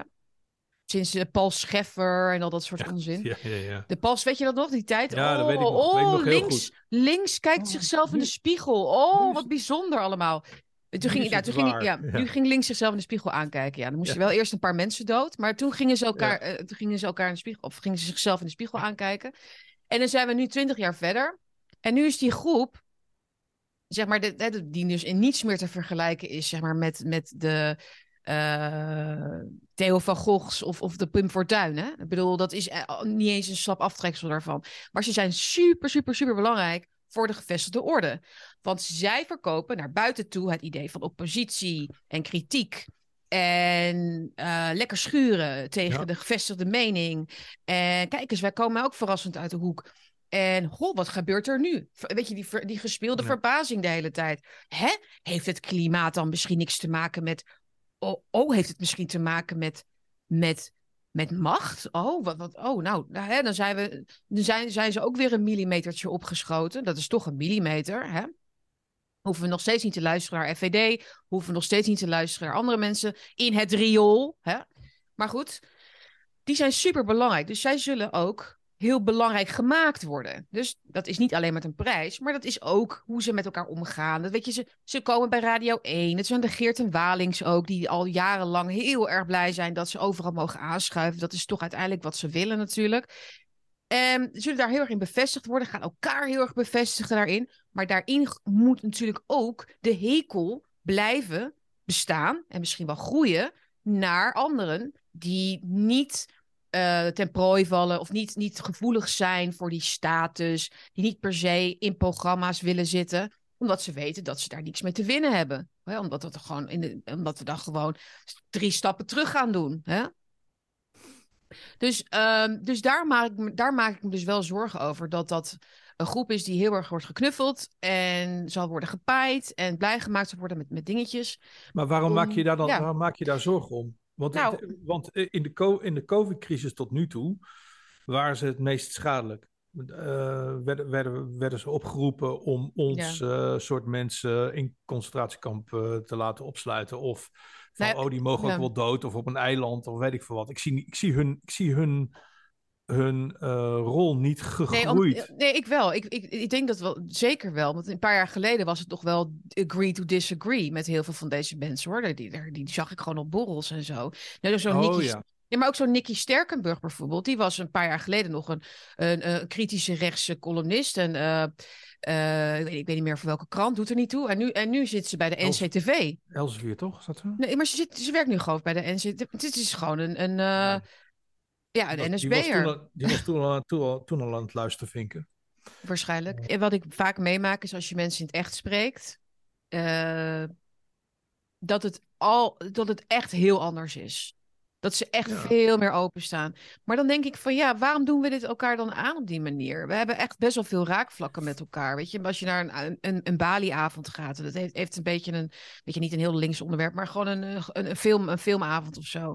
Ehm, zoals ik laatste keer was van, van Kirak. Nou, dan sta, je met, dan sta ik met zo'n Stella Bergsma en dan sta ik met, met Sunny Bergman en ehm, ehm, wat mensen van geen stijl of zo. En het is super leuk. En iedereen kan het eh, extreem goed met elkaar vinden. Hè? En, dat is heel grappig eigenlijk. Maar, maar op een of andere manier. Misschien, het, misschien is het it comes with the job verhaal. Maar is er toch, eh, ja. Ik denk dat heel veel mensen gewoon een rol spelen. Ik denk dat heel Ja, veel ik denk mensen gewoon, ik denk vooral Ja. de jongens van geen stijl, die zien hun, wat zij doen, zien ze als werk. ja, ik vind dat- ook heel vaak de stukken van Bart Nijman ontzettend goed. Ja, ik hij heeft, hij heeft, ja ik wel. Ja, ook, ja, je hebt trouwens gelijk. Hij, af en toe schrijft hij hele goede dingen, maar je, je hebt gelijk. Ik, ik, ik trap nu in mijn Nou, eigen heb je dat stuk gelezen over Zelensky, wat hij heeft geschreven? Nou, dat vond, vond ik echt hartstikke goed. Nee, maar is, eh, Bart Nijman is een, is een toptalent. Alleen eh, inderdaad, Hmm. ik trap in mijn eigen val. Ik, ik, heb, een, ik heb een zodanige afschuw van die jongen dat ik inderdaad eh, dat even niet uit oog kan verliezen. Mm. Dus dat eh, misschien moet Ja, ik dat dan snap ik inderdaad. eh, ehm, Ja, maar ik heb met al die Goed. mensen altijd, gewoon, eigenlijk altijd hele goede ervaringen gehad. Ja. Ik denk dat het voor heel veel van ons ja, toch echt wel heel ja, lastig is om. moet je je voorstellen, om, om, ja, je kunt niet met iedereen, en- iedereen en alles bezig zijn als je zelf probeert om, om het om te duiden. Dat idee van we moeten allemaal één zijn en we moeten elkaar allemaal steunen en we zijn allemaal even betrokken bij de vrijheidsstrijd. Weet je wel, dat is, ja, dat is gewoon niet zo. Ik denk dat iedereen echt wel zijn. eh, Het zijn gewoon heel veel individuutjes. eh, waarvan helaas toch een paar een beetje te, te graag bij het collectief willen horen. Dat is wel zo. ja, heel veel, heel veel mensen die, die betalen daar een huis van. En hun auto. Ja, dat, ja, dat is ook zo. En, eh, ja, die kunnen niet zomaar van hun identiteit af. Nee. Dus, eh, ja. Maar goed, Ja. ja, ja ik zou... Meer Christianity. Ja, nou eigenlijk vind ik... eh, we hadden als cult- Culture Corner bedacht meer Christianity van C.S. Lewis. En dat is helemaal te gek, want het is een fantastisch boek. En voor mij een van de meest ontroerende boeken die ik ooit heb gelezen. Ehm, omdat C.S. Lewis eh, voorlas aan Engelse soldaten in 1942. Ehm, zoals het als audioboek, het is een serie lectures, zoals het als audioboek staat op eh, YouTube, heeft hij het voorgelezen aan Engelse soldaten. Ehm, en meer Christianity is heel complex. En ehm, hij heeft het ook gewoon gezegd van ja jongens, die jongens die nu luisteren zijn veel slimmer dan jullie allemaal denken. En C.S. Lewis was ook gewoon na Winston Churchill de tweede stem die mensen, die de Engelse soldaten kenden als het ware uit het vaderland. En dan nog wel op zo'n onderwerp, meer Christianity, in een, in een tijd waarin het christendom eh, ja, zwaar eh, aan het inboeten was. De, de, de tijd van het, eh, het Mhm. pantheïsme en het atheïsme kwam toen al heel erg op. Ehm, Mhm. ik heb het boek twee keer gelezen. Ik heb er acht colleges over gezien. En ik, kan, ik ga het niet voor jullie herkouwen, omdat het te groot is en te mooi is wat er allemaal in staat. En te duidelijk is voor als je, als je het leest. Het is, het is een heel waardevol boek. En het is een boek als wapen. Ehm, een, een onschuldig wapen. Iedereen die zichzelf christen noemt of twijfelt over het christendom of die, ehm, die daar een, een goede theoretische basis onder wil hebben, moet dit boek lezen. Eh, en als je eenmaal dit boek gelezen hebt, wat opgebouwd is als een soort eh advocatenpleidooi, dus hij begint heel erg eh, breed. Van Ja. hey, waar, waar komt de moraal? Bestaat de moraal? Mhm. Ja, het is een pleidooi voor de, natural, voor de natural law. Dat is eh, inderdaad Ja, een, een van de eerste, law. een van de eerste vakken die je krijgt als je rechten studeert. Hè? Dus Ja. dit is zeker ook een... Maar de, ja. de natural human law. Dus niet de natural law van Sigrid Kaag, maar de natural law van hè, de Mm. natuurlijke moraal. Maar nu begin ik het toch uit te leggen en dat wil ik eigenlijk niet doen. Ehm, het is een boek wat je langzaam maar zeker leidt eh, naar de onderbouwing eh, voor het monotheïsme. eh, en Jezus als de, eh geconcepte- de, de, als de zoon, de zoon van God. Niet die hij gemaakt heeft, maar die onderdeel is van, van God zelf. mhm. Ehm, en ik kan het iedereen zo ontzettend aanraden om dit boek, wat vijf uur ongeveer duurt, dus je bent er zo doorheen, te lezen. Ehm, dus dat, dat zou ik willen zeggen over Ja, in het Nederlands heet het onversneden christendom, volgens mij toch? onversneden christendom. Ja, geen idee. Maar een, het eh, is ook in het Nederlands te lezen in ieder geval, ja. een geweldig boek eh, met heel veel waarheden en wijsheden, onder andere over seksualiteit. Ehm, Mhm. eh, wat in die tijd ook best wel precair lag. Maar hij, wil- hij heeft het over de, over de, de, de hoofdzondes en over de hoofddeugden van, het, van het christendom. Dus eh, hoe heet het? Ehm, kom op. hoop, geloof en charity. Mhm. Dat zijn de drie christelijke eh, eh, deugden. En dan heb je nog de, de cardinal ehm, virtues. En dat zijn, even, wat was het ook alweer? Prudence, temperance, courage en justice. Mhm. En ehm, hij legt het zo prachtig en uitgebreid uit.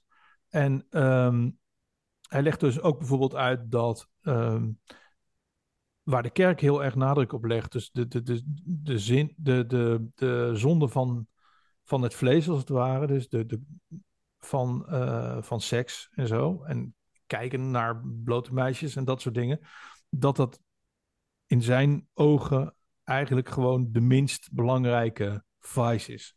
En trots daarentegen eh, de allergrootste vice is, de, de, de, de, de, grootste zonde is. De zonde die ervoor zorgde dat de duivel eh, zich losmaakt, dat Satan zich losmaakte, Lucifer Mhm. zich losmaakte van God als hoofdengel en als het ware zijn eigen kerkje begon, omdat hij te trots was om in Ja. de schaduw van Gods troon te staan.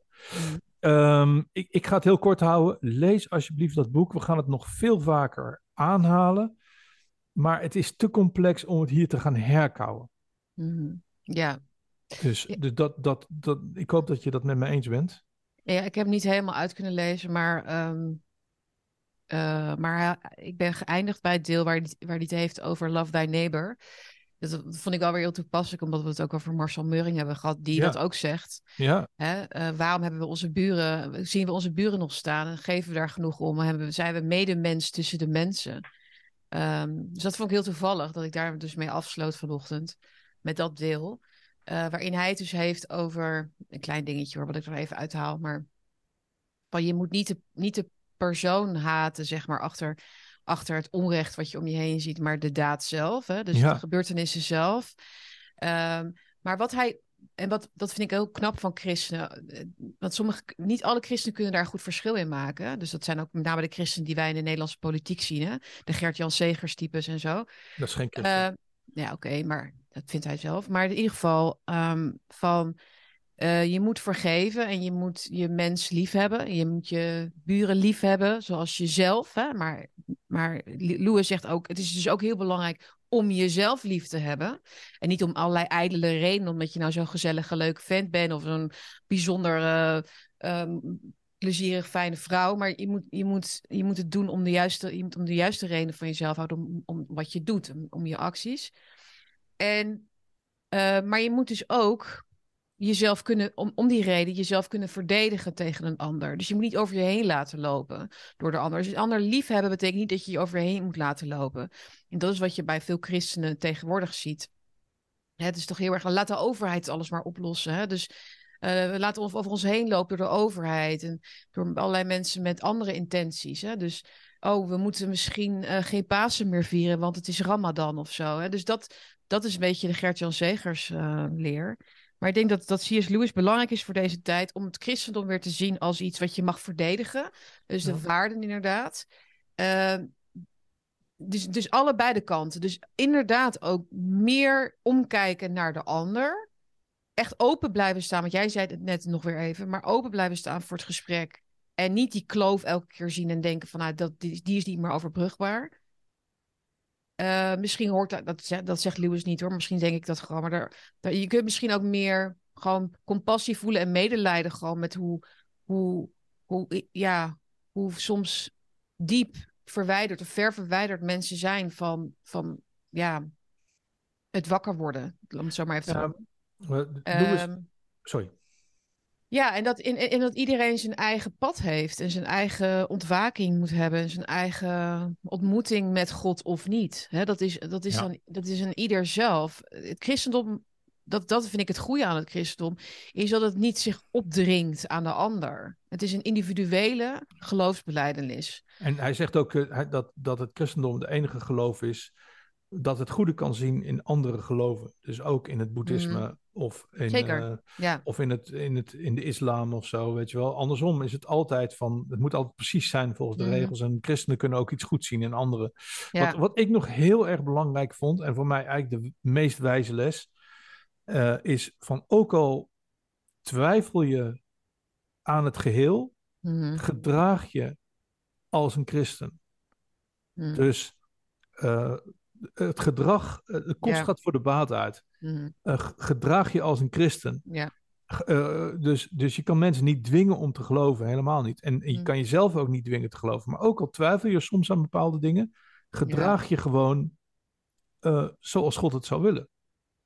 ja, hij noemt dat volgens mij de the art of pretending. Maar ik weet niet of, dat, of hij Ja. het, ar- het, het woord Klopt. arts gebruikt, maar hij zegt wel. Eh, weet je, je kunt bijvoorbeeld eh, geen zin hebben in een feestje en denken: ik ga daar staan en dan heb ik zo'n gezicht en uh, godverdamme, ik wil gewoon lekker thuis blijven. Eh, maar hij zegt: ja, soms moet je gewoon doen alsof. En dan zet je gewoon je vrolijke gezicht op en je maakt iedereen naar de zin. En dan ga je je vanzelf wel goed voelen. En Ja. ik weet niet of jij dat hebt meegemaakt, maar ik heb dat heel vaak meegemaakt Ja. hoor. Dat je denkt: deze dag is echt gewoon verloren. Dit gaat het niet meer worden. Eh, weet je wel? Maar dan gewoon toch doen. Dus toch gaan sporten, toch eh, die afspraken eh, doen, toch dat werk afmaken. En dan word je vanzelf weer, ja, Ja. opgetild. Letterlijk opgetild naar iets anders. En dat is wat hij ook bedoelt met pretending. Ook al voel je misschien van binnen niet ja, goed genoeg. Weet je wel, dat is natuurlijk waar het over gaat. Of je, bent, je denkt van, ja, wie ben ik nou eigenlijk? Hè? Eh, want hij, wil, hij stelt dan die vraag van, hoe kunnen wij als Christus worden? Dat is eigenlijk nog onbegonnen werk. Hoe kun je iemand worden die perfect is? Laat maar zitten. Hè? Want dat is natuurlijk de opdracht aan ons in de Bijbel. Hè? Word zoals hij. Christus, is de Ehm, enige, Christus de enige, is de enige perfecte eh, in, in Tuurlijk, Gods evenbeeld. eh, nou, Ja. niet in Gods evenbeeld, maar dus eh, is onderdeel van God en dus perfect. Mm, en de enige perfecte mens ja, is Jezus Christus geweest. En En nadoen. niemand is verder perfect. En wat ik verder ook fantastisch vond, is dat hij zei van ja, iemand die. ik haal er zomaar wat uit hoor, want het is, er zit zoveel in het boek dat je het krijgt het gewoon niet op een rijtje. Maar ehm, dat iemand die het heel slecht heeft, of die heel slecht is, en die doet iets goeds, die draait zijn karakter een klein beetje naar het goede toe, Mm. is veel meer waard dan iemand die alles mee heeft en, Ja. en gewoon, eh, ja, gewoon heel makkelijk gewoon goed kan doen, omdat hij helemaal geen consequenties aanvaardt van, van, ja, van zegt hij het ook, ja. anderen doen. Weet je wel? Mhm. Dus, dus gewoon, eh, mensen hebben het soms heel erg moeilijk. En als jij, opge als jij opgevoed bent door alleen je moeder in een, ja, ergens in een, in een bos en, eh, en eh, je vader is een moordenaar en eh, je, je bent vanaf je vijfde geslagen Mm. en verkracht, dan is het een stuk moeilijker om een goed mens te zijn dan als jij met een gouden lepel in je mond geboren bent op kasteel Twikkel, weet je wel. Dat is gewoon echt een heel groot verschil. En dus hij maakt het heel duidelijk dat verschil van Ja, dat doet hij zeker, Ja. ja. Maar ook, ook mensen die wat minder eh, geestelijk, wat minder begaafd zijn, zullen we maar zeggen. Maar hij zegt van ja, maar ook al, weet je, is het moeilijker voor, een, voor de ene, moeilijker voor de ene mens dan voor de andere mens om daar te komen waar die misschien helemaal in de geest van Jezus leeft. En zeg maar, elke vooruitgang, elke verbetering aan je eigen karakter vindt God genoeg. Hè, dat hoeft helemaal niet, je hoeft niet alles te snappen en alles te weten en elke dag eh, helemaal zonder zonde te zijn of dat soort dingen. Dat is helemaal niet zo belangrijk eigenlijk. Het gaat erom wat je ermee doet. Of Precies, wat sterker, je... nog, sterker nog, hij maakt heel duidelijk van het, dat zal ons nooit lukken. Nee, Dat zal, zo zijn wij niet geschapen. Wij zijn gemaakt als een. ehm, ja, wij zijn ges- geschapen, wij zijn gemaakt door God. En, en Jezus is begotten by God. Weet je wel? Mhm. Dus het ene is eh, een onderdeel van zichzelf. En wij Ja. zijn gemaakt als mensen. En dus imperfect Ja. en onvolkomen. En, dat, en iedereen, mensen die volkomen zijn, die bestaan niet. Vond ik ook een hele interessante les. Maar zo staan er duizend lessen in. Dus ik heb een beetje zoiets van, ja, waar moet ik kijken, weet je wel? Ik denk dat we hem gewoon vaker moeten laten terugkomen. Ja. Stukjes eruit. Want het is ook niet een, een, een boek wat je heel erg kan koppelen aan een actualiteit of zo. Het is meer een Ja. soort leidraad. Inderdaad, een soort je, echt, een- echt een bijna een theoretische onderbouwing voor het christendom. Dus het is ook voor Ja. mensen interessant die wat, misschien wat minder, ja, hoe zeg je dat, zweverig zijn. Of wat minder gewoon overal maar blind in willen meegaan. Dus je kunt ook goed, gewoon goed lezen van wat is nou de moraal. En ehm, ja, want hij, hij- want hij kwam zelf ook uit, een, uit, eh, uit, uit, uit atheïsme, zeg maar, naar het geloof. Dus hij snapt zelf heel goed hoe dat werkt. Ja. Zeg maar, hoe je, hoe je iets moet kunnen motiveren voor jezelf ook. Van waarom geloof ik dit eigenlijk? En ik denk dat het voor heel veel mensen, zeker die vroeger misschien naar de kerk zijn geweest, zien wat is dit allemaal? Die mensen zijn er helemaal niet blij en overtuigd uit. Waarom zou ik dat wel zijn? Dat gold voor mij namelijk, bijvoorbeeld. Inderdaad, de de kerk komt niet voor in het boek, Nee. volgens mij. Tenminste, Nee. amper. Volgens mij wordt één of twee keer genoemd het woord de kerk. Het is gewoon, de kerk en het christelijk geloof hebben heel weinig met elkaar te maken. Oh. Is mijn, is mijn, eh, is mijn eh, Hmm, conclusie. Ja. Eh, ik zou graag nog een heel klein stapje willen maken naar een ander boek van C.S. Lewis. mhm. Ehm, Even heel kort, want we, gaan nu, Even- we zijn nu heel lang bezig. Ja, heel kort, heel kort, maar ja. wel heel interessant. Ik werd namelijk eergisteren, of gisteren werd ik gewezen door Tanja Bon op Twitter. Ehm, dat mensen zeiden dat Merlijn langsliep ehm, tijdens de dienst eh, toen Charles werd gekroond. Mhm. En, want iedereen had het over, de, over een magere hein, maar ineens dook daar de naam Merlijn op. En toen dacht ik, Merlijn, Merlijn, Merlijn. Wat, hoe zat het ook alweer? En er is dus een boek geschreven, derde in een serie, eh, van C.S. Lewis. Dat heet That Hideous Strength. En ehm, dat boek ga, eh, gaan, we- gaan we nog eh, behandelen. Maar eh, Merlijn eh, speelt in That Hideous Strength een enorm belangrijke rol waar het gaat over de strijd tussen de schepping en de gnosis. En dat is weer waar we het vorige week over hebben gehad. Dus Ja. ik wil het toch even aanhalen voordat, voordat iedereen die kroning vergeten is. Als Merlijn daar echt langs liep, is het of, is het of major sig- signi- significance. Mhm. Of het nou een grap was, Sorry, ja. dus of het nou geacteerd was en een grap, of dat hier serieus iets heel bijzonders is gebeurd. Mhm. Eh, dus mochten jullie toch bezig zijn met C.S. Lewis, ik ga het boek nog niet verklappen, maar lees het boek. Ook dit is weer gewoon een audioboek. Mhm. Eh, lees gewoon That Hideous Strength van C.S. Lewis. Ja. Het is een briljant boek. Ik ben er ook wel ehm, naar.